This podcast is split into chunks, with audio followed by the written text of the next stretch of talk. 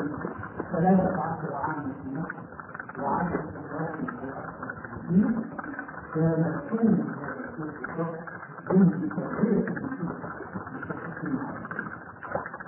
استقام طبقت شريعة الله ما يتقاعد ذلك والصورة الأخرى إن هذا الدين لا يتوقف إنه حركة دائمة حركة دائمة في واقع الحرب لا حدود يقف عندها هذا استقامت النفوس أولا عليه أزيلت بواكب الجاهلية في الجزيرة العربية. أسلم الناس. دخلت فيهم شريعة الله. بدأوا المسلمون أمام الرباني هناك بشر على أطراف الجزيرة. ليسوا على هذا الدين. ما موقف الإسلام منه يتركهم كذب إن هذا الدين نزل ليحكم الأرض كلها؟ بغير إكراه في العقيدة. نعم. لا إكراه في الدين. لكن شريعته تحكم الأرض. وهذا واجب المسلمين تحكم المسلمين وتحكم كل الأرض مع إبقاء أهلها على عقيدتهم إذا شاءوا وهنا كان الجهاد. الجاهدون يجاهدون بأي شيء. ليكره الناس على الإسلام كلا لا إكراه في الدين. إنما يجاهدون لإزالة القوى التي تقف في طريق الدعوة ممثلة في حكومات وجيوش وأنظمة. فإذا أزيلت هذه العقبات الممثلة في الجيوش والحكومات والأنظمة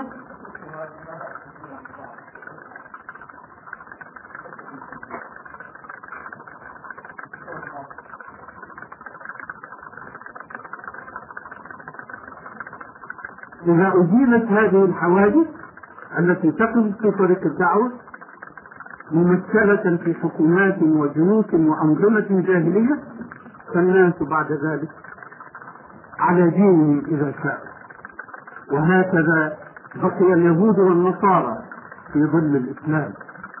لا يكرههم الإسلام على اعتناق دين بل إن الإسلام حكم الهند ثمانية قرون وظلت أكثرية من الناس على دينها لم يكرههم الإسلام على دين إنما جاء ليزيل الحواجز وليوصل الخير إلى الناس وليحكم الأرض بغير إكراه الناس على العقيدة. وحكم الإسلام رقعة كبيرة من الأرض. انتهى دور المسلمين كلا إنهم يحكم يحكمون بالإسلام وينفذ فيهم العدل الرباني وينفذ فيهم عدل الإسلام. الإسلام فتح الأرض وإمبراطوريات في التاريخ غدت وفتحت. كان بين فتح وفتح. كان الاستعمار في القديم وفي الحديث يستنزف خيرات الأرض. لتذهب إلى الدولة الأم. ويبقى تبقى البلاد المفتوحة عبيدا للدولة الفاتحة. أما في الإسلام فلنأخذ مثالا الأمثلة كثيرة ولكن كل واحد منها يكفي في دلالته. يقول يحيى بن سعيد في عهد عمر بن عبد العزيز رضي الله عنه بعثني عمر بن عبد العزيز على صدقات إفريقية. فجمعتها وطلبت فقراء أعطيها لهم فلم أجد. فقد أغنى عمر بن عبد العزيز الناس. فاشتريت بها عبيدا فأعتقته. هذا نموذج. من العدل الرباني في البلاد المفتوحة. الإسلام لا يفتح البلاد ليأخذ خيراتها ليسلب أهلها نعمهم. إنما ليسوي ليشيع العدل. العدل المتضمن في منهج الله الذي تلخصه عبارة يعبدونني لا يشركون بي شيئا. أي ينفذون منهج الله سبحانه صار هذا المنهج الرباني. في ربوع الأرض في كل مكان سار فيه الإسلام. وعرف الناس لأول مرة في تاريخهم وللمرة الوحيدة في تاريخهم كيف يكون العدل في السياسة وفي الحكم وفي الإقتصاد وفي كل شيء. انتهى دور المسلمين كلا الإسلام ضخم جدا. الإسلام هو الحياة. الحياة في كل جوانبها لا يوجد جانب واحد من النشاط البشري خارج عن هذا الدين. هذا الدين من الشمول من الضخامة من العظمة بحيث أنه يشمل حياة الإنسان كلها من أولها لآخرها أليس القرآن هو الذي يقول لرسوله صلى الله عليه وسلم قل إن صلاتي ونسكي ومحياي ومماتي لله رب العالمين لا شريك له وبذلك أمرت وأنا أول المسلمين الحياة كلها داخلة في هذا الدين بكل نشاطاتها. خطوة أخرى. قام المسلمون بالفتح. أنشأوا تلك الأمة الضخمة. لا نقول كما يقول بعض الناس خطأ. الإمبراطورية الإسلامية. كلا. الإمبراطورية دولة أم تستعبد الدول المفتوحة. ليس هذا من الإسلام. ولا يحدث هذا في ظل الإسلام الصحيح. إنما نقول العالم الإسلامي ونقول الأمة الإسلامية. الأمة التي امتدت من المحيط إلى المحيط. كان يخرج المسلم من الأندلس إلى أندونيسيا. عالم واحد أمة واحدة إخوة في كل مكان إخوة حقيقة. يستقبلونه استقبال الأخ ويودعونه وداع الأخ. يقضون له حاجاته يضيفونه. يوصلونه إلى غايته ويوجهونه بمثل ما تلقوت به من حرارة حرارة الأخوة إنما المؤمنون هذه الأمة الإسلامية العالم الإسلامي ولا نقول الإمبراطورية الإسلامية كما يقول بعضهم بالعدوى عدوى من أوروبا الجديدة. أنشأوا تلك الأمة المترامية الأطراف من المحيط إلى المحيط. انتهى الأمر سلم. في الإسلام فضلة من نشاط الله يقول هو أنشأكم من الأرض واستعمركم فيها. أي كلفكم بعمارة هذه الأرض. وهيأكم للقيام بمهمة الأمانة. هذا واجب من واجبات المسلمين.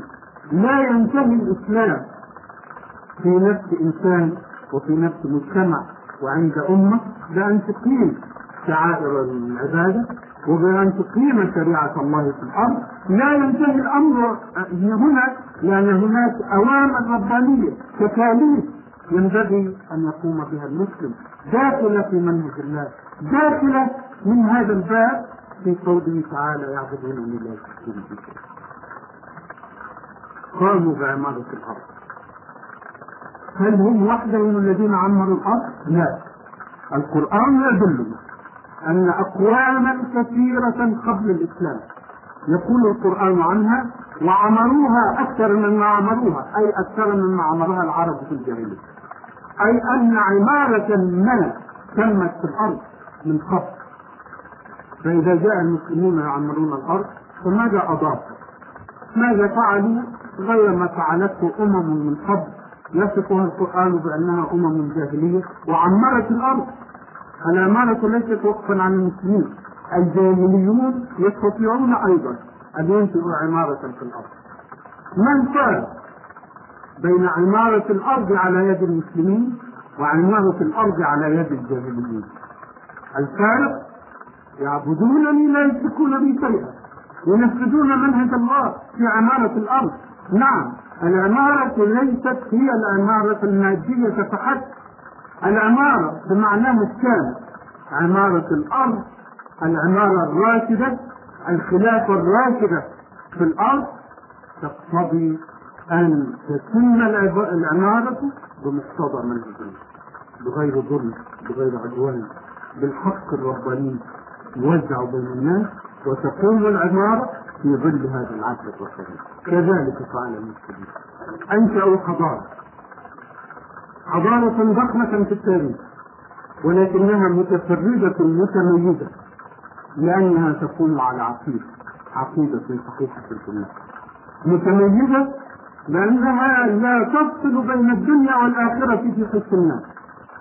الجاهليات كلها في التاريخ إما أن تجنح إلى جانب الجسد وإما أن تجنح إلى جانب الروح. وما تستطيع الجاهلية أن توازن وما تستطيع أن تربط عنصري الإنسان. الإنسان مكون من هذين العنصرين. إذ قال ربك للملائكة إني خالق بشرا من طين فإذا سويته ونفخت فيه من روحي فقعوا له سجدا إذا هو مكون من قبضة من طين الأرض ونفخة من روح الله. عنصران لا ينفكان.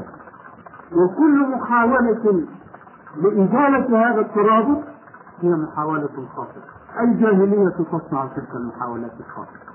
فإما أن تجنح بالإنسان ناحية جسده وتلغي الجانب الروحي كما تصنع جاهلية القرن العشرين في أوروبا وفي العالم الذي غلبت أوروبا عليه. وإما أن تجنح إلى الجانب الآخر فتغلب روحه وتسحق جسده. تعذب الجسد تهينه تحتقره كما تصنع الهندوسية والبوذية وكما صنعت الرهبانية التي لم يكتبها الله. ورهبانية ابتدعوها. من كتبناها عليه ليس الله هو الذي كتب الرهبانية على البشر إنما هم صنعوها. ابتغاء رضوان الله صنعوها حقا الإسلام والحضارة الإسلامية تميزت بهذه الميزة ميزة أصيلة في هذا الدين. دين الفطرة. الفطرة هكذا. عنصران مترابطان. لا ينفكان. لماذا تحاول الجاهليات أن تفك هذا الترابط فتفسد الحياة البشرية الحضارة الإسلامية التي قامت قامت على المنهج الرباني الأصيل فما فصلت بين الروح والجسد. يعمر الناس الأرض وقلوبهم متجهة الله يعمرون الأرض بمقتضى منهج الله.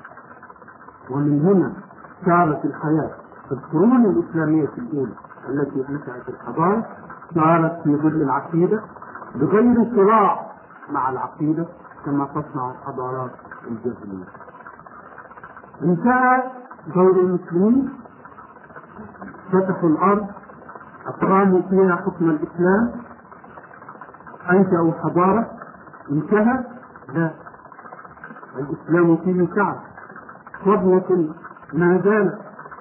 العلم. الحركة العلمية. الضخمة التي قام بها المسلمين أيضا حركة متفردة. هل المسلمون هم هم الأمة الوحيدة التي تعلمت وعلمت؟ لا.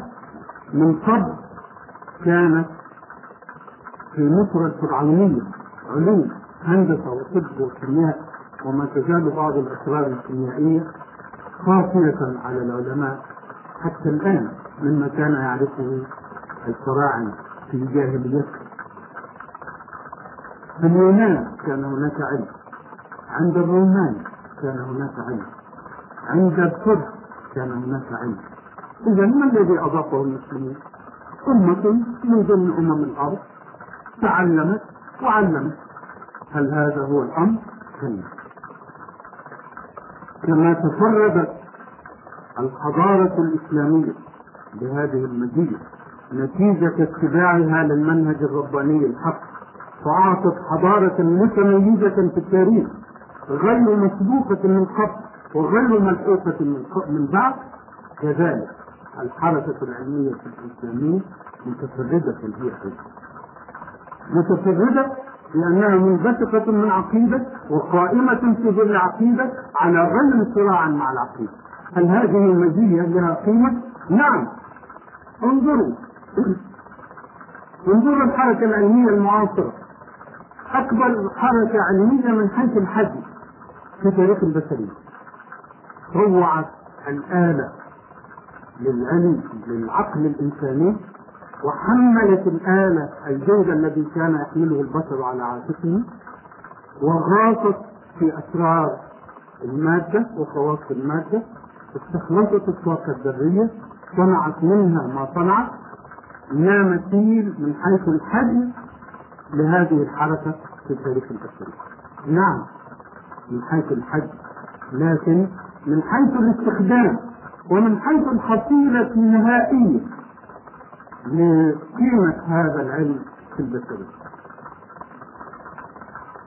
هذا العلم فتح آفاقا نافعة ولا شك في الطب في التكنولوجيا وفي غير ذلك ولكن هذا العلم ذاته هو الذي يستخدم أيضا في إفساد العقيدة وإفساد الأخلاق.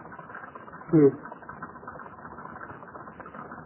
يكفي نموذجا باستخدام العلم في إفساد الأخلاق حبوب منع الحمل.